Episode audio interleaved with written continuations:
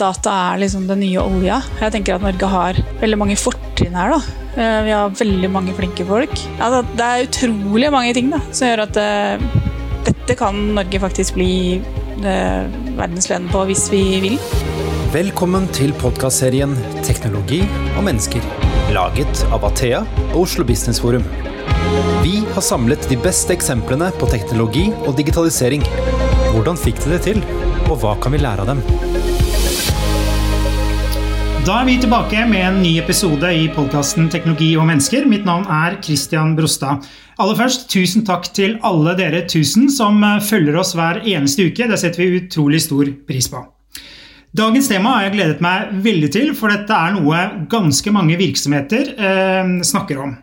Datamengden øker for hver eneste dag, og alle snakker om eh, data og datadrevet eh, utvikling. Og Skal man lykkes fremover, så må både, både, innenfor privat og offentlig sektor, så må man klare å utnytte data for å skape gode brukeropplevelser, forebygge, være proaktive, lage nye tjenester og ta bedre beslutninger. Men samtidig er det mange virksomheter som ikke helt vet hvor man skal starte. Kompetanse mangler, og en del ser faktisk heller ikke verdien. I denne episoden skal vi fjerne enhver tvil og dykke ned i to virksomheter som enten har fått det til eller er på vei mot datadrevet utvikling. Så Ukens gjester eh, det er Øyvind Indrebø, som er Head of Machine Intelligence i Fremtiden Forsikring. Og så har vi Gunhild Rui, leder for analyse og metodeutvikling i Direktoratet for samfunnssikkerhet og beredskap, forkortet DSB. Velkommen til dere. Tusen takk. Vi er jo nå I denne, den pod-sesongen her så sitter vi jo på hjemmekontor hele gjengen. så Det gjør jo dere også. Hvordan eh, trives du på hjemmekontor, Gunhild? Jo da, det går greit, men nå er det mye, mange folk i huset. Eh, så vi sitter på hvert vårt rom og prøver å holde ut. Og så detter jo internett ned, ned innimellom, da. Men eh, det går bra. Det går bra. Sammen med deg, Øyvind. Du har plassert ungene foran barne-TV, hørte jeg? Ja, de er trygt plassert foran barne-TV. Håper jeg. Også, Men kommer de med i poden, så er jo, jo det bare merverdi, så det setter vi pris på. Eh, jeg tenkte Vi kunne, vi starter litt sånn basic, fordi eh, alle snakker om data. Regjeringen kommer med en strategi for datadrevet eh, utvikling og innovasjon, bl.a. Øyvind, hvis vi liksom skal ta et step back og tenke på hvorfor er bruk av data blitt så viktig? Da vil jeg uh, trekke for meg litt sånn en større trend som man har sett som har gått over flere, flere år. og det er det at uh, Forretninger og uh, organisasjoner har blitt mye mer vitenskapelige på en måte sin tilnærming til å løse problemer både for kunder og, og, og med sånn prosessproblemer. og alle som har drevet litt med vitenskap så videre, vet jo at det ofte, ofte, ofte koker ned til data, altså innsikt man kan få fra data. Problem, altså problemstillinger som blir belyst av data. Og Det å ta og komplementere den her eh, magefølelsen som veldig mange forretningsutviklere sitter på og har, eh, har på en måte opparbeidet seg eh, over lang tid, med de faktiske, konkrete dataene, sånn at de kan få utfordre den og på en måte eh, finne ut av hva er, det, hva er de faktiske problemstillingene her som vi er overfor. Eh, det er der jeg ser i hvert fall at de fleste selskaper liksom tar tak i data og, og, og klarer å skape verdi ut av det. Eh, og så må jo det nevnes at eh, sant, altså, jeg som driver med maskinlæring, bruker jo data til på en måte helt sånne spesifikke problemstillinger eh, på en helt spesifikk måte da, for å løse eh, sånne type problemer. Eh, og det er jo på en måte en teknologiutvikling som, som på en måte spiller på lag da, i, i på en måte denne litt større vitenskapelige trenden. Er du enig i dette, Gunhild? Ja, jeg er for så vidt enig i det, men jeg tenker at det er også, i offentlig sektor så har det jo vært sånn at ja, vi tuller jo litt med at det er en del som liker å snu bunken og gjøre ting på samme måten som gjør ting alltid. Eh, og at eh, man må liksom jobbe litt med å få inn forståelsen av eh, hva tallene kan eh, gi da, av ekstra verdi. Eh, det vitenskapelige er jeg for så vidt enig i. og tenker at uh, fra den, Jeg har ti år før jeg begynte i DSB i meningsmålingsbransjen, og da var jo tall og tallmagi det eneste jeg jobbet med. Og Det var vel egentlig det jeg tok med meg inn i direktoratet og jobba mye med for å få dem til å liksom forstå verdien av, av tallene. Eh, ofte så kan det jo være eh, Det er sikkert veldig forskjellig fra virksomhet til virksomhet. Eh, at det er IT-avdelingen, IT-sjefen, IT-direktøren som på en måte driver eh, dette. Eh, hva, hva, hva, mener dere? Bør, bør, på en måte initiativene eies av forretningssiden? Eh, eller bør det være IT, eller er det et samspill her? Ja, sett fra vårt sted, da, i, i direktoratet, så har det vært sånn at at jeg, jeg hardnakka på at det må eies av fagområdene, som vi kaller det. Dere kaller det jo forretningssiden, men fagområdene våre. Og at det er de som kjenner problemene. Det er de som eier utfordringene. Og det er eh, ved å ta tak i de faglige problemstillingene eh, og ta utgangspunkt i dem, at vi, vi finner, de riktige, finner de riktige tallene og riktige teknologivalgene også det krever jo noe da, av uh, mange av ledere på mitt uh, nivå. Uh, fordi at de må liksom nærme seg også det teknologiske. Men det tenker jeg liksom er i tiden. Det må man. og man kan jo ikke, man kan ikke bli stuck som leder. Liksom. Man må gå og lære seg teknologi også, da, som en del av det. Ja, det, det er helt enig. Det er veldig i tiden. og jeg vil, jeg vil til og med gå så langt som at man bør egentlig, hvis man ikke allerede gjør det, så bør man bryte ned det skillet mellom IT og forretning. Eh, det gir ikke mening lenger. Eh, eh, det er bare forretning. Altså hvis man skal oppgradere en database til en annen type teknologi, så gjør man det fordi det vil ha en forretningsimpact. Det vil ha på en måte en krone, krone og øre-impact. Eventuelt skape noen muligheter som man ikke hadde før osv. Det tror jeg er veldig veldig viktig.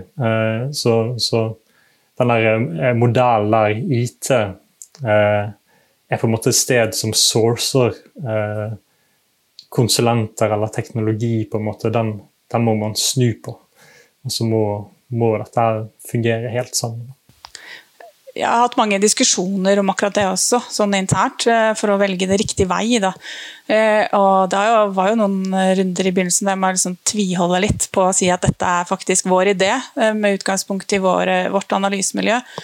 Og det er vi som vil eie og, og gå i front da, eh, for satsingen som vi gjorde. Eh, det mange virksomheter eh, opplever, da, er jo eh, Dataen er ofte i siloer. Eh, du har ikke en dataplattform hvor disse dataene kan puttes inn. Du har ikke noe struktur på de, eh, osv. Eh, hvordan, hvordan har dere tenkt i de banene? Liksom? Hvordan angriper man det? Det er jo det der egentlig faget kommer inn. Da, og Det er jo det som er analysejobben vår i det daglige, er jo at vi strukturerer om data, egentlig. Det er jo sånn vi lager eh, analyser. Så det er jo ikke noe annerledes jobb, egentlig. Men, men det var jo det som var utgangspunktet vårt for at dette, dette var noe vi måtte se på og jobbe med. Det var at det var det var så silobasert, det var vanskelig å få tak i dataene, fordi de lå så mange forskjellige steder med så mange forskjellige typer logikk. Eh, og det må de på mange måter få lov til å ha. De må få lov til å ha sin logikk ut ifra at de er samlet inn for ett gitt formål, men så må man eh, jobbe seg fram til, en, eh, til hvordan man kan sette det sammen da, på nye og andre måter. Og det, det er krevende. Det var, for oss så tok det lang tid å lage et sånn faglig fundament, der vi bestemte oss for hvordan vi skulle strukturere dataene for å få de svar på de faglige spørsmålene vi hadde. Jeg vet ikke hvordan det er hos dere, Øyvind, om det er annerledes. Vi, vi tjener jo ikke penger. Det er ikke poenget vårt. Vi skal liksom hjelpe samfunnet å bli sikrere. Men, eh, men i, i bunn og grunn så er det jo samme poenget. Det er det samme poenget, og, og eh, data i silo er på en måte en, en veldig kjent problemstilling. Eh, og det tror jeg er det, det, det, er det gjengs over hele linjen. Sant? Og det som er det interessante, er på en måte hvordan klarer man å få disse dataene ut fra siloene. Og Her er jo det òg kommet noen sånne nye problemstillinger eh, med, eh, med, lovgivning og regulering. Sant? Altså GDPR stiller jo på en måte noen krav når det kommer til behandling av personopplysninger. At man, man skal vite, altså man skal ha på en måte en grunn for å behandle disse dataene. Ofte som analytiker så, så ja, men kanskje jeg bare tester litt. Sant? Eh, kanskje jeg, jeg, vil gjerne se disse dataene. Det kan jo være det er noe verdi her.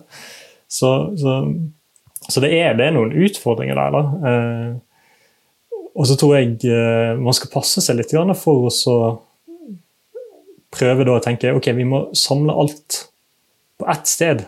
Én felles logikk, én felles semantikk. Eh, For det, det, vil, det vil på en måte ikke skalere igjen. Og det er for så vidt veldig enig i. Og de juridiske hindrene de er jo store også i offentlig sektor. Det er, ganske, er mange ting. da. Der kommer jo altså taushetsplikten inn. og forvaltningslov, og, og, de blir litt sånn Mange jeg snakker med som har lurt på hvordan vi fikk det til og fikk tak i dataene fra, fra Finans Norge bl.a. Så har vi fått tak i forsikringsdataer for å se på naturskader. Og da lurer jeg liksom på Hvordan fikk dere det til? Altså, det er veldig mye godt samarbeid. Det er liksom én eh, del av det. Og så var det den harde veien først. At vi måtte eh, søke og vi måtte lage databehandleravtaler alle disse tingene der. Og så hadde vi noen smarte jurister, så nå har vi hjemmel til å hente de dataene. Og det er det ikke så veldig mange som har da, fått gjennom sånne lovendringer. Eh, og det tenker jeg Det er sånn det er i staten, at man må gå sånne litt sånn eh, hva skal jeg si, kompliserte veier da, for å komme til mål. Men det viktigste i bunnen er samarbeidet. Eh, så, ja. Det er det, og, det, og sånn er det faktisk òg i det private. Det, det, en av nøkkelkriteriene våre er jo det å faktisk ha disse kanskje litt kreative, framoverlente advokatene. Eh, som, som der, og der på en måte jussen blir på en måte et verktøy for å få til verdi, da, i stedet for et verktøy for oss på en måte, ja, men jeg ønsker ikke helt endring. Jeg ønsker på en måte at disse dataene skal være her på, på den måten som vi alltid har hatt det, for da har jeg kontroll. sant? Eh, så, så jeg, jeg, tror det gjelder alle virksomheter. altså Hvis man ikke har gode advokater som på en måte forstår nyansene og klarer på en måte å snakke med analytikere og, og folk som jobber med data, eh, da er det, da er det tøft da er det tøft å starte på denne reisen. Ja, for øvrig, En av de andre tingene som vi har sett som en sånn suksessfaktor hos oss, har jo vært eh, det at vi har for, eh, setter sammen folk med forskjellig bakgrunn, forskjellig kompetanse, eh, folk som kan forskjellige ting. Eh, og når de begynner å diskutere, og de, er, eh, de har ett klart mål eh, for øye, de vet hvor de skal hen, og, de, og de, de, bare jobber hardt for å oppnå det de, de mener er det riktige. Så, får man jo det mest utrolige til. Da. Så, og det er det morsomme med dette her. Det er jo at det, det er faktisk mulig å få til. Men man må jobbe hardt. altså målretta. Man må det og, det, og, det, og, når man gjør det, så er det, det, utallige eksempler på at det er da innovasjonen skapes. sant? Det er veldig sjeldent den skapes ved at det kommer en bestilling nedenfra. Altså den, den skapes ofte der de, de eh, folkene som vanligvis ikke snakker sammen, kommer i kontakt, har ro og fred til å utforske med data noen forskjellige muligheter, og så kanskje det blomstrer opp eh, et, et, spennende konsept eller en spennende tjeneste eller, eller en plattform i seg sjøl. Og da, vi må jo begynne, for Nå har du toucha litt inn på hva dere gjør, eh, Gunhild. Eh, kunnskapsbanken, altså Denne ideen her eh, som du har snakket så vidt om nå, da, hvor kommer ja. den fra? Hva er det dere har gjort for noe? Ja, den kommer egentlig fra dette analysemiljøet da, som jeg er eh, sjef for. Egentlig så dro jeg vel den med meg inn når jeg begynte i DSB i 2009. For jeg så det var så innmari mye data uh, mange steder i, i uh, som kunne fortelle oss mye. Eh, og, og så begynte vi å se eh, først og analysere data fra de ulike fagområdene og jobba oss liksom fram til en idé. Eh, og så fikk vi jo ikke solgt den, for å si det på den måten. Det var vanskelig å selge den til, inn i tildelingsbrevet, alle disse strukturene som, som vi er fanget av, på en måte. Styringsstrukturene i, i staten.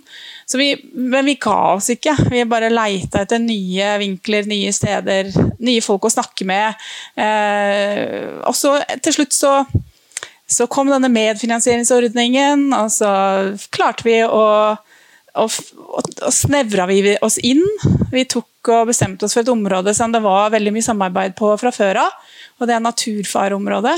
Og Der er det veldig mye data som er lagra hos mange, veldig mange forskjellige myndigheter. Og mye av det er også allerede lagt ut i API-er. Så det, der var det liksom en mulighet. Eh, og så var det mye godt samarbeid da, også med Finans Norge. Så fikk vi liksom til mange ting på en gang. Eh, og så tenker vi jo at vi, jo, vi kommer jo ikke til å stoppe der, men, eh, men det ble liksom det som var utgangspunktet. da. Det ble naturhendelser. Og hva kan vi samle av data for å skape kunnskap, sånn at vi kan eh, enten hindre at ting skjer, eller at vi kan bygge eh, robuste løsninger da, og finne sårbarheter, sånn at samfunnet kan bli ja, sikrere på området. For å hjelpe, Målet er altså å hjelpe kommuner til å planlegge eh, hvor de kan bygge boligfelt osv. Er det det som er essensen? Blant annet altså for at de skal kunne gjøre gode risiko- og sårbarhetsvurderinger, sier vi da. Men at eh, for kommunene var, har vært veldig tydelige med oss, det er eh, de små kommunene spesielt. Altså, de har jo ikke masse folk som har masse analysekompetanse og masse datakraft til å hente alle disse dataene som lå rundt omkring, så det hjalp jo ikke at NVE hadde lagt ut uh, dataene sine, eller andre myndigheter legger ut dataene sine, fordi de må sammenstilles. Og den jobben og den kapasiteten har de ikke. Så da gjorde vi det for dem, rett og slett. Og det vi får høre nå, da, når de har testa løsningen, er at de er superfornøyde. Og de er spesielt glad da, for, eh, for, de dataene vi har fått til på kart fra, fra Finans Norge, som er forsikringsdata, rett og slett. For da, da ser de hvor er det det har vært høyest forsikringsutbetalinger i deres kommune. og da kan de si, og Når de sammenholder det med hvor vannet har vært, f.eks., så, så vet de at oi, her har vi en utfordring. Og da kan de kanskje gjøre noe med rør eller med andre, andre tiltak da, i sin kommune. Og det, det er gøy, syns jeg. Da oppnår vi Helt enig, det er helt, helt fantastisk. Det og liksom kommer fra forsikringsbransjen, sant? så vi, vi, bruker jo disse dataene. Vi, vi, vi gir jo òg data inn i dette, her, men, men vi, bruker jo på en måte sånne type data inn i på en måte kapitalplanleggingen vår. Hvor mye, hvor mye risiko er det vi tar? Eh, så, det, så, for oss er dette helt fantastisk. Og helt fantastisk at, at kommunene òg begynner å jobbe strukturert med planleggingen av dette.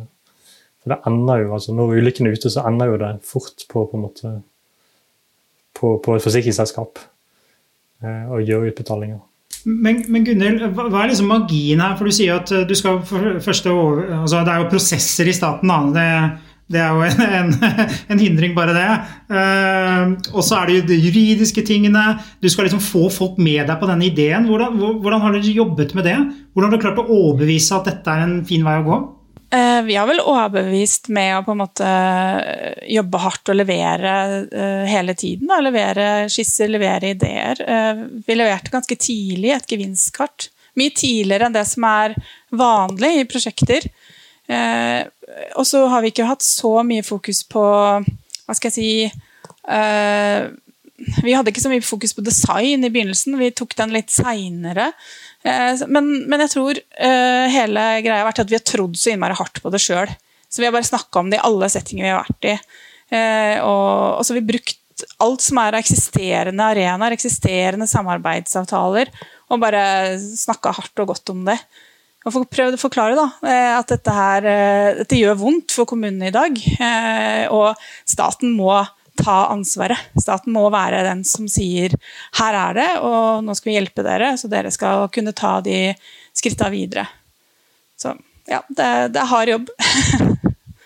Eh, kunne du Øyvind, sagt, for Her er det jo masse berøringspunkter mellom, eh, mellom Gunhild og, og, dere i fremtiden osv. Er det forsikringsbransjen?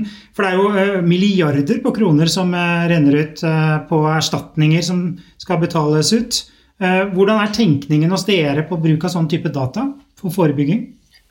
Ja, eh, og her, altså vi, vi, bruker jo sånn type data til, til veldig mye forskjellige ting. Eh, bare det å sikre at vi har nok kapital, at vi òg kjøper forsikringer for å forsikre oss mot de veldig store hendelsene.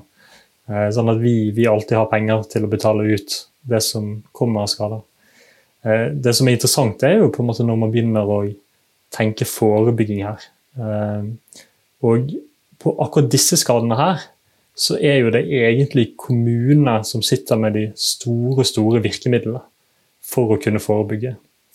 Eh, vi i forsikringsselskapene kan kanskje intensivere til noe, komme med noe tips om på en måte eh, fikse på huset ditt eller gjøre ditten datten.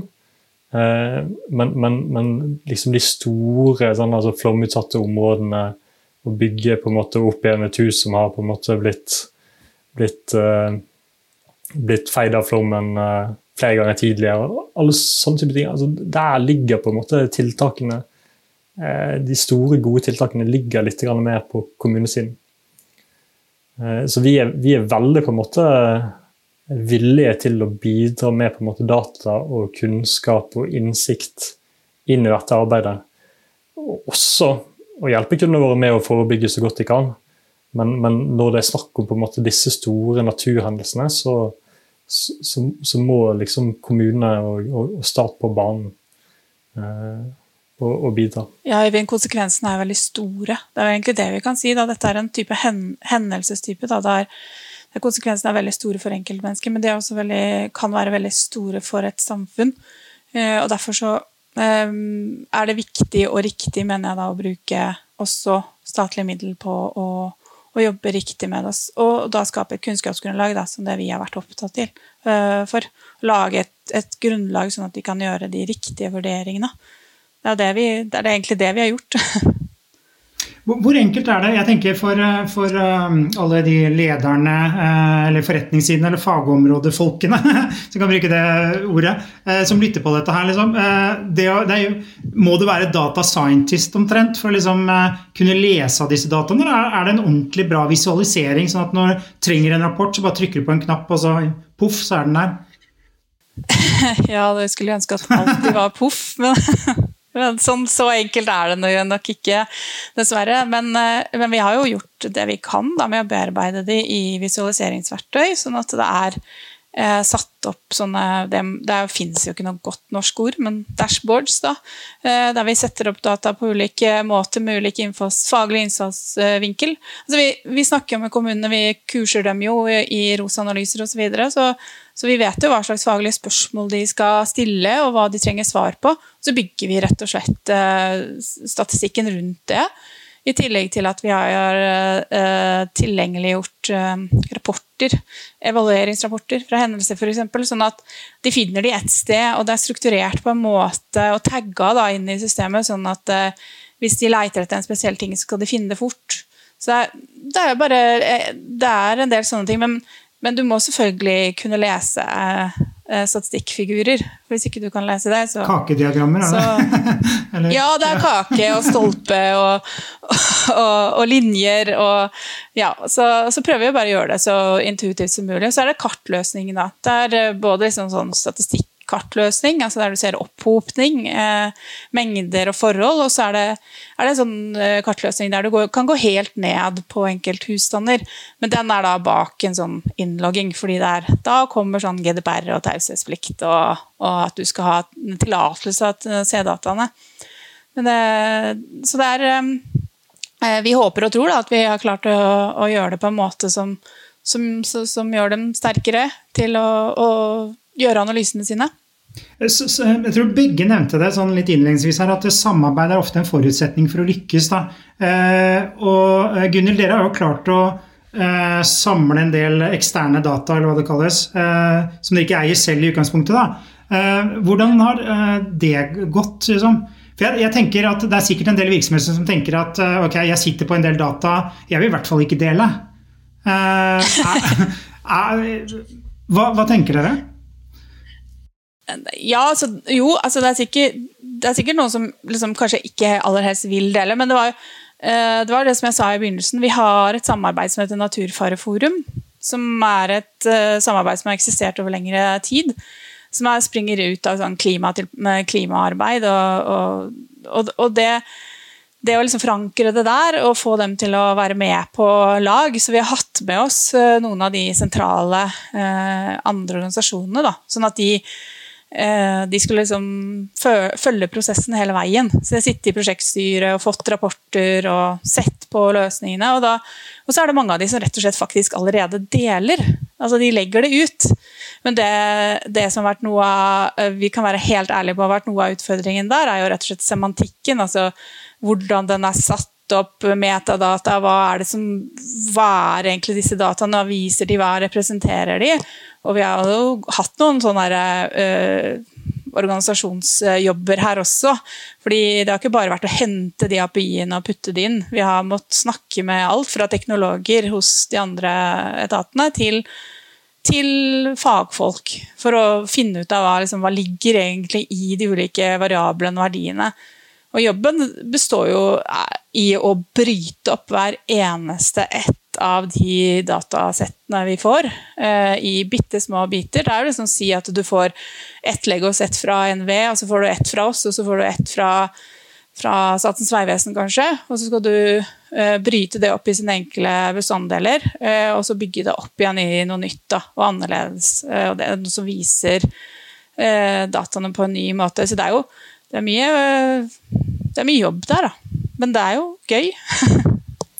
Jeg, synes, jeg, blir veldig imponert når jeg hører, jeg hører uh, om dette her. Uh, vi har jo på en måte Vi har jo prøvd Vi har vært med i et samarbeidsprosjekt nå mellom to andre forsikringsselskaper, altså Trygg og, Trygg og Frende, der vi, der vi, eksplisitt prøver å utveksle data, eller vi eksplisitt utveksler data, er vel trygt å si nå, for å på en måte bidra til å øke på en måte predisjonskraften vår, eller for, for, å bidra til å ta og finne sviktilfeller, altså folk som svindler på forsikring. Um, og det å på en måte bli enige om hvilke data vi skal dele, eh, hvordan ser de ut, eh, hvilke felter, eh, hva hva forteller for mye om på en måte, forretningen vi holder på med, eh, versus på en måte eh, hva, vi, hva, vi, føler på en måte vi kan, vi kan fortelle åpen, eh, åpenlyst og være på en måte transparente med, er utfordrende, krevende. Krever mye tid. Eh, og da liksom på, på, tvers av på en måte ganske større datasett og ganske større på en måte kompleksitet som det du skisserer eh, virker, virker på en måte Ja. ja. Nå får du skryt, Gunhild. Ja. ja. jeg hører det her. ja, det var eh, Det er ikke noe eh, Det var jo også den andre tingen som vi gjorde, som kanskje folk ble litt skremt av, men som jeg tenker er også var en del av suksess, uh, suksessen her. Da. Det var at vi laga et rammeverk først altså et sånn teoretisk rammeverk, en teoretisk måte å modell å sette opp hvilke ting, eh, hvilken informasjon må vi ha for å svare på de spørsmålene. Eh, og så begynte vi med dataene, så satt vi liksom og test, har vi testa de tingene opp mot hverandre. Praktisk og teoretisk. Eh, og det tok jo vinter og vår, og folk, det, det, å få folk rundt oss til å ha litt tålmodighet med oss der, det var også litt sånn eh, Det var krevende, for det ser man ikke resultater av. vet du. Man ser ikke det før, før dataene ligger i dashbordene. Så, men det er, også, det er gøy, da. Mm. Når ting er vanskelig, så er det gøy, er det jo, ikke det? Det er det. det er, det er gøy. gøy. Sånn tenker i hvert fall jeg. Ja, ja, ja. Og, det, og det er gøy. og Jeg, jeg syns òg det menneskeaspektet ved å faktisk få folk til å eller skal, skape en konsensus da, på en måte, ok, dette er det vi ønsker å oppnå på tvers av på måte, organisasjoner. Dette er sånn vi kommer til å få verdi ut av det. Og i vårt tilfelle, dette er fremdeles det vi skal konkurrere på. Nå deler vi data, men vi deler ikke nødvendigvis modeller. Eh, og vi holder tilbake en del data som er på en måte hvert sitt selskap secret source, liksom, i forhold til å ta effekten ut av det. Ja, det var en av de tingene vi Vi måtte jo ha noen runder med, med de ulike forsikringsselskapene som er en del av Finans Norge. Så jeg har vel vært vi har vært på besøk der noen ganger og snakka med, med, dem for å få dem til å liksom akseptere å dele dataene. Eh, og hva de skulle brukes til, og hvorfor vi var Og og vi ga oss jo ikke, så, og det skal sies altså at uh, der uh, er Ida Kreutzer en ganske hard uh, kraft. Han vil dele data, han. og så lenge han vil dele data, så skal du argumentere hardt for å, for å hindre det. Så, så har, de har vært en ekstremt god samarbeidspartner, altså, det må jeg virkelig si. Og det har vært så viktig, fordi vi hadde liksom forskningsrapporter du, som sa at kommuner får ikke, noen, de får ikke gjort noe, fordi de har ikke de dataene. Og så klarte vi å, å, gi, å på en måte svare da, på den eh, forskningsrapporten som var levert eh, på at det var så vanskelig. Eh, og det jeg det er, liksom sånn, det er tilfredsstillende. Det er gøy. Da, da leverer vi jo noe ekstra utover oss sjøl, og det, det syns jeg er, eh, er viktig. Da. Det er jo det som driver meg for å drive, være ansatt i, i staten, og ikke lenger være konsulent.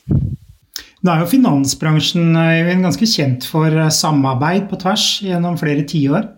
Eh, er du overrasket at eh, man er så tviholden med dataene sine? Nei, jeg, jeg, er ikke overrasket over det. For det, altså, det som, er, det som er, er, på en måte vedtatt sannhet for alle som jobber i forsikring, det er det at det er dataene man sitter på, som er hele konkurransegrunnlaget til et forsikringsselskap. Så det er på en måte det som gjør at du klarer å konkurrere i markedet. Uh, og på en måte kanskje kan være en grunn for at små forsikringsselskaper ofte har litt sånn Det er tøft for dem å konkurrere med disse store beistene. Uh, som nødvendigvis Ja. Så, så, Men jeg ser at dette begynner å endre seg litt.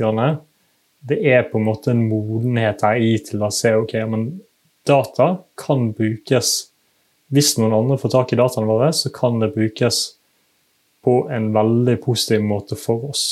Som dette her er eksempel på. Hvis på en måte kommunene blir eh, flinkere til å forebygge, klarer å bruke disse dataene, så kommer det til å bety veldig mye for våre kunder. Men også, men også på en måte forsikringsselskapet i, i seg selv. Du kan jo si det sånn at eh, det vil spare penger. Det er bare å si det rett ut. Eh, og, vi, og, vi, vil jo få et sikrere samfunn. Yes. Yes. Eh, og sånn at, eh, så vi jobber for at samfunnet skal bli sikrere og, og, og, bedre, og at folk ikke skal havne i sånne vanskelige situasjoner. Og, så, og det er det vi jobber mest med. Og så, så tenker jeg at der fant vi, felles, der fant vi et fellesskap da, eh, som var riktig og viktig å, å, å bruke.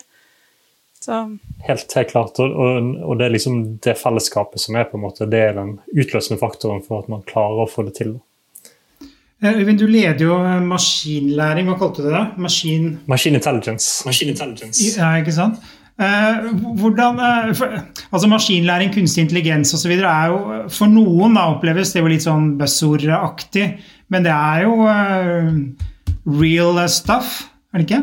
Jo da. Hvordan, eh, hvordan, er det dere jobber med det i fremtiden? Hva, det, hva, hva, hva gjør du egentlig for å liksom eh, få fremtiden til å ha konkurransekraft og fornøyde kunder?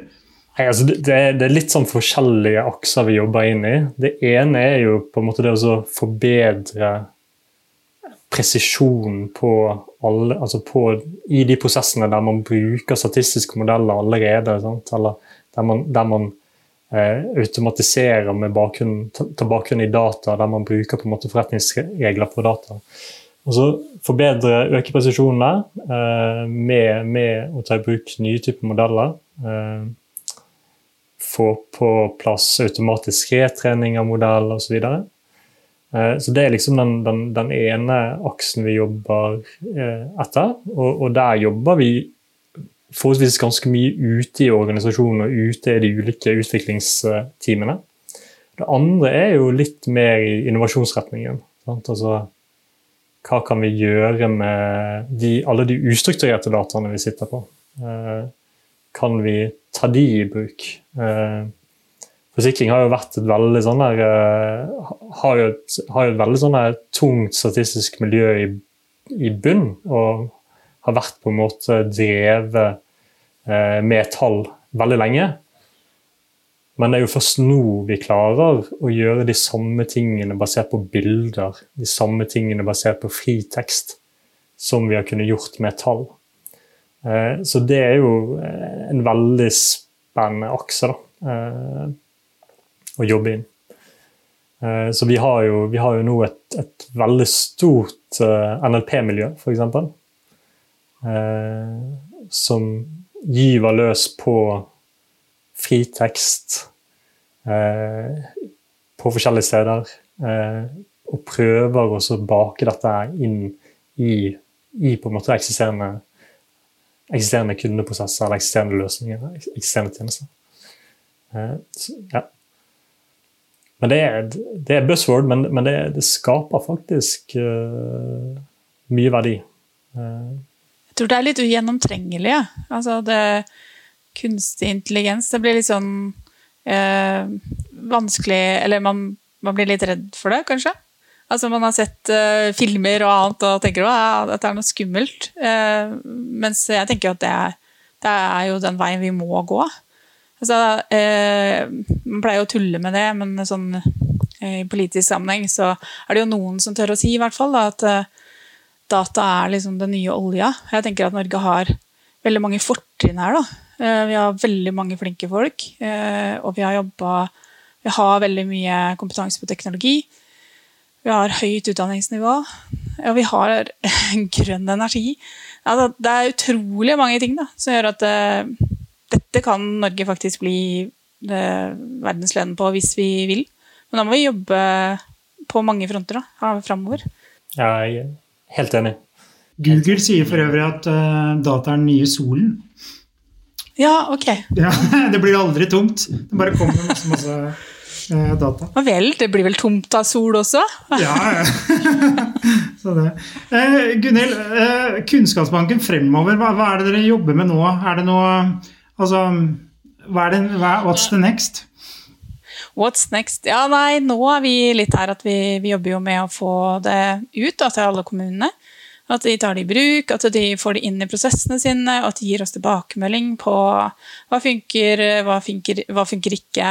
Eh, hva, så, så, det er liksom første skrittet nå, egentlig. Eh, og så har vi diskutert å se på mye mer av våre egne interne data eh, i mye større grad. Eh, på andre fagområder enn naturfagområdet. Og se om det er noen av de som, som trenger å boostes litt og ses uh, mer på. Uh, på det også for å liksom vise enda mer av verdien i det forebyggende arbeidet som DSB driver med. Um, og, og, også for å, for å Jeg sånn, eh, skulle godt eller kunne godt tenkt meg da, at det til syvende og sist kunne kommet noe innovasjon oppå Kunnskapsbanken. Det er det jeg syns har vært gøy.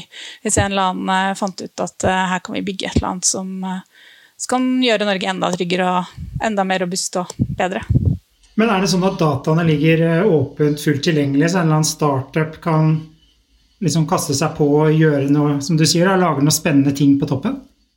De ligger jo ikke sånn 100% åpent. De ligger vel uh, på i det BI-verktøyet. Så ligger det sånn at du kan laste ned det som ligger bak de figurene vi har lagt opp. Så sånn sett så har vi ikke lagt de liksom helt, helt åpent ennå. Det, det, er en prosess internt hos oss også. Og, men jeg tenker at man kan jo begynne å tenke seg ut ideer ut ifra det man finner der. Og det er jo liksom Det er som sagt en liten sånn fremtidsvisjon, da. At vi kan, eh, kan legge det altså Jeg er jo litt sånn um, det er, Hvis du ser veldig mange eier grunndata, og så finnes det mange løsninger der liksom grunndata skal legges i de statlige systemene. Men dette her er jo ikke liksom her er jo ikke grunndataene som sådan som legges, her er det jo nye data. Altså nye datasett, nye måter å sette det sammen på. Så Eh, så det er en sånn annen måte å bruke dataene på, da, tenker jeg. Og det kan kanskje Jeg har liksom et lite håp om det kan eh, gi noen en idé eller visjon eller tanker om å, å finne på noe, noe, annet og spennende som vi, vi, ikke klarer selv. Så det er et lite håp. Eh, så må vi jo utvikle videre, og hele poenget er jo at den, være, at den er skalerbar, og at, at, vi skal bygge videre. Det må jo være det, må jo være, det skal jo ikke bli en sko, liksom. Det skal jo, det skal jo være en, eh, en, ting som utvikler seg, nesten som en organisme. Hvis ikke det kan være det, så da, da er det jo fånyttes. Jeg har vært med på å bygge systemer før som man bare liksom kaster etter ti år. Det syns jeg ikke er noe gøy. Så sånn vil jeg ikke ha det. det. Så det får vi prøve å få til. At den utvikler seg og skalerer seg videre oppover, og, får, og det er liksom hensikten, som sagt. Eh, vi kunne jo lese for noen, eh, jeg vet ikke, kanskje noen måneder tilbake at eh, Fremtiden har kjøpt opp Fjellinjen, bl.a. Hva, hva er det for noe? Er det egentlig tilgang til mer data, eller hvorfor er det gjort? Ja, jeg, jeg, jeg, har ikke vært så veldig involvert i den prosessen, men, men sånn jeg forstår det, så, så er jo det, det er jo, altså Selve utstedervirksomheten er jo blitt å eh, frem til service Så, så, så, selve den utsteder, altså de som gir autopasspikkene, det, det, er ikke en del av forsikringsselskapet i, i sådan.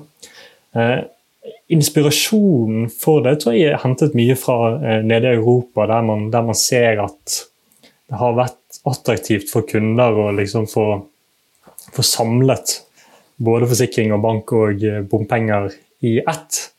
Uh, uten på en måte noe sånn videre datacase rundt det. Uh, så, så det, det, det, tror jeg på en måte er bunnplanken. Uh, og så er jo på en måte jeg i, i min rolle, sant? så har jo jeg på en måte mine tanker på, på barnerommet nå på hjemmekontoret. Sant? om liksom hvilke, hvilke, muligheter finnes her. men, men ja.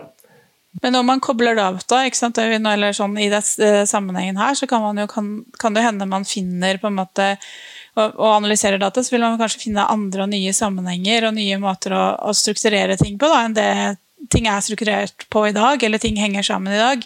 Det er jo, det er jo en av de tingene som er morsomt med å jobbe med sånne ting.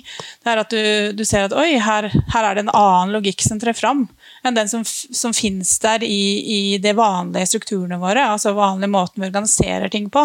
Så dukker det opp andre sammenhenger som gjør at vi må rett og slett eh, gjøre andre og lure grep. Da, som gjør at vi ja, så sånne grep som det der kan være kan være, gi enda mer verdi egentlig, enn det man kanskje i utgangspunktet tenkte. Da. Ja, det, det tror jeg også. Så det, det, er jo, det, er jo, helt klart at sånn for fremtidens service da, og, og ha på en måte en eier som er et forsikringsselskap, at det kan bidra til at de får litt andre perspektiver på hvordan de bruker sine data. Eh, F.eks. skulle de deltatt med dere i forhold til hvilke veier og hvilke trafikk. Altså, hvor er det, det, det er mye høy belastning på veiene. nå.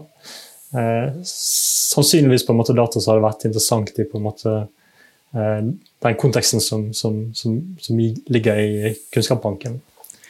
Ja, så En av de tingene som ligger der, er jo uh, en, en, tanke om at vi skal ha bedre kontroll på verdiene, som vi kaller de. da, ikke sant? Det handler om da infrastruktur, veier eh, osv., så videre, sånn at man vet hvor uh, sårbarhetene fins. Er litt småskummelt òg hvis noen skulle komme til å bryte seg inn og finne alle de dataene. Men da finner man sårbarhetene til Norge. Men, men, men, det er jo en del av tenkningen, selvfølgelig. Altså at hva, Hvor bør det være eh, forebyggende aktivitet. altså Hvor bør det være barrierer? da, Bygges barrierer for at man ikke skal, eh, skal gjøre samfunnet sårbart i, i, ulike hendelsessammenhenger. Det, altså, det, blir kanskje veldig komplisert sagt, men altså, hvor skal det være eh, rassikring for at mm. veiene skal være åpne? Eh, det er jo egentlig det jeg sier. Så, og da må man jo vite hvor trafikken går. En av de tingene som DSB også har ansvar for, er jo farlig gods på vei. Eh, og, og, og, og, transport eh, av farlig gods. Så det er eh, også interessant i en sånn veisammenheng. Da. Hvor går de hovedrutene med farlig gods? Hvor er det opphopninger av de, og, hvor, hvor sårbare blir vi hvis, hvis de utsettes for, for fare? Mm. Man har vel et bra eksempel med Suezkanalen. Ja. Litt sånn, Suezkanalen. det er kjipt å ja. Men Gunhild, du må jo ta en telefon til Fremtiden eh, Service, du. Høres ut som ja, altså det er jo mange ting vi, vi, må gjøre. Det er jo mange data ennå vi ikke har uh, fått uh, calla i. Vi har jo en lang liste med data som vi ønsker å, å inkludere og se på uh, og analysere og se om vi kan få noe ut av. Så det er mange vi prøver å snakke med og snakke med. det, og det vil, vi bare fortsette med. Det er jo liksom litt av poenget, og det er det som er som jeg sier, det er gøy. Vi nærmer oss litt slutten her, men jeg tror du nevnte det så vidt i stad, Gunhild, dette med personvern osv. fordi jo mer data vi har, jo mer vi samler osv., jo viktigere blir sikkerhet. Da. Og siste månedene i media så har vi jo sett vært store utfordringer på, på sikkerhetssiden. Eh, hvordan, eh, hvordan, tenker eh, dere Øyvind, f.eks. På, på innebygd sikkerhet? At alt liksom ikke skal kunne hackes og rotes og tulles med? Det, det er jo en veldig, veldig, veldig viktig del av egentlig det arbeidet vi gjør eh, hver dag. Eh, sånn spesifikt helt konkret så, så driver jo vi f.eks. og flytter eh, våre server og vår våre data til på en måte mer public cloud-løsning. Eh, hvor på en måte man har litt mer avanserte sikkerhetsmekanismer eh, tilgjengelig eh, lettere. Så, så, så, det er på en måte litt sånn konkret, eh, konkret eh, arbeid for oss å bygge opp det. Eh, men sant, det, er jo, det er alltid sånn data man har, det må man passe på. Data man ikke har, er ikke det så farlig med. Så det er liksom baksiden av medaljen for oss som liker å jobbe med data. Det, det må liksom skje i trygge omstendigheter og sikre omgivelser. Eh, siste spørsmål her eh, før vi går over til vår faste spalte, som dere sikkert har gledet dere til i ukevis. Så, Gunnhild, hva, hva med framtiden innenfor dette området her? Når du sier at data er den nye oljen eller solen eller hva det er for noe. Uh, er du, dere mister ikke jobbene med det første, dere i hvert fall? Skulle man tro. Nei, det tror jeg ikke. Jeg tror jeg ville sagt til folk som skulle utdanne seg i dag, at eh, det er bare å lære seg godt med matematikk, i hvert fall. Eh, det er vel kanskje beste, en av de beste tipsene jeg har til folk som skal være, ta utdanning.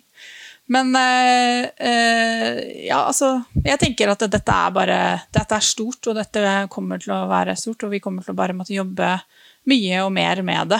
Og som ledere så er vi nødt til å sette oss inn i eh, trendene og prøve å forstå deler av teknologien her også. Vi kan ikke være Jeg, jeg er jo SAS-viter, så teknologi er ikke mitt liksom, sånn hovedgebet, men man må lese seg litt opp, da. Og det tenker jeg vi klarer.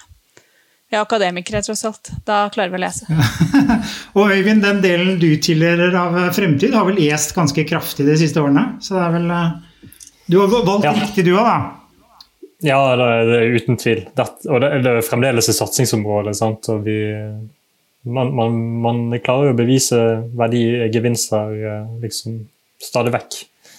Så, ja, så jeg tror vi kommer til å fortsette å ese. Uh, helt klart. Uh, jeg, men det, det, som er på en måte virkelig spennende, er jo når man altså De synergieffektene man får da når flere flere i industrien, men også i, statlige, i, det, i det, offentlige, begynner å bruke data på, på nye måter. Da, på, og bygger på en måte en sånn kollektiv dataplattform. Liksom de tjenestene og de på en måte produktene man kan bygge på toppen av det. Det er jo en, en spennende framtid å se fram til. Så jeg er helt enig med Gunhild. Det er godt å, godt å kunne, kunne jobbe med data det er et godt sted å være. Ja, analyse, jo, analyse, og kunnskap er jo viktig. Det ligger liksom i bånn for alt. Hvis ikke vi har, bygger eh, gode kunnskapsgrunnlag, har godt kunnskap i bånn, så, så, så, ja, det er der vi tar de riktige beslutningene på, eller den, det vi tar de riktige beslutningene på, da, kunnskapsgrunnlaget. Så blir det spennende å se hva regjeringen legger fram etter hvert også på på datadrevet uh, utvikling osv. Og, så og at flere kanskje uh, ser verdien av å samarbeide uh, og dele data. Da skal vi over til vår faste spalte. Digitale vaner. Bli kjent med gjestene ved å snoke deres digitale liv. Hva gjør de egentlig på nettet? Hvilke favorittapper har de? Er det streaming eller linær-TV som gjelder? TikTok eller Snapchat? Vi spør i Teknologi og mennesker. Eh, nå skal vi snoke litt i eh, deres private digitale liv, så jeg håper dere er klare, Gunhild og Øyvind. Eh, konseptet da, er at dere får to alternativer, og så skal dere velge ett av de. Og så er det strengt forbudt å komme på et tredje alternativ. Det er altså ikke lov. Lover du meg det? Ja. Det hørtes litt vanskelig ut, det må jeg altså innrømme. Ja. Da kan vi begynne med deg, Gunhild. Digitale eller fysiske møter? Ja, vet du hva, jeg liker fysiske møter, for jeg er veldig glad i folk. Mm. Øyvind? Så ja. ja. Også fysiske møter, spesielt de små møtene vil jeg gjerne ha fysisk. De store de kan gå digitalt. Gunnhild, eh, Instagram eller TikTok? Og vet du hva, Jeg har ikke prøvd meg på TikTok, så det må jo bli Instagram. du har vært inne og snoka? Ja, men det må man jo. Man har jo barn. Så man må jo liksom følge med på hva de driver med. Mm. Ja. ja. mine barn har, har ikke kommet i TikTok alder ennå, så, så, jeg er òg bare eksponert for Instagram. Eh, Gunnhild, emoji eller tekst? Jeg er nok en litt sånn emoji-person. Altså. Tekst er liksom ikke bestandig det beste for meg. Mm. Jeg er kanskje mer på tekst. Føler ikke alltid jeg har mestret helt eh, emoji-kunsten. Men du smeller er til med Nei, det er fort gjort å, å ta feil der. Men du smeller til med en eh, emoji av og til, Øyvind? Ja, stort sett på et upassende sted. sant? Så, så Ok. det er bra. Eh, Nest siste her, Gunhild. Eh, Ringe eller sende meldinger?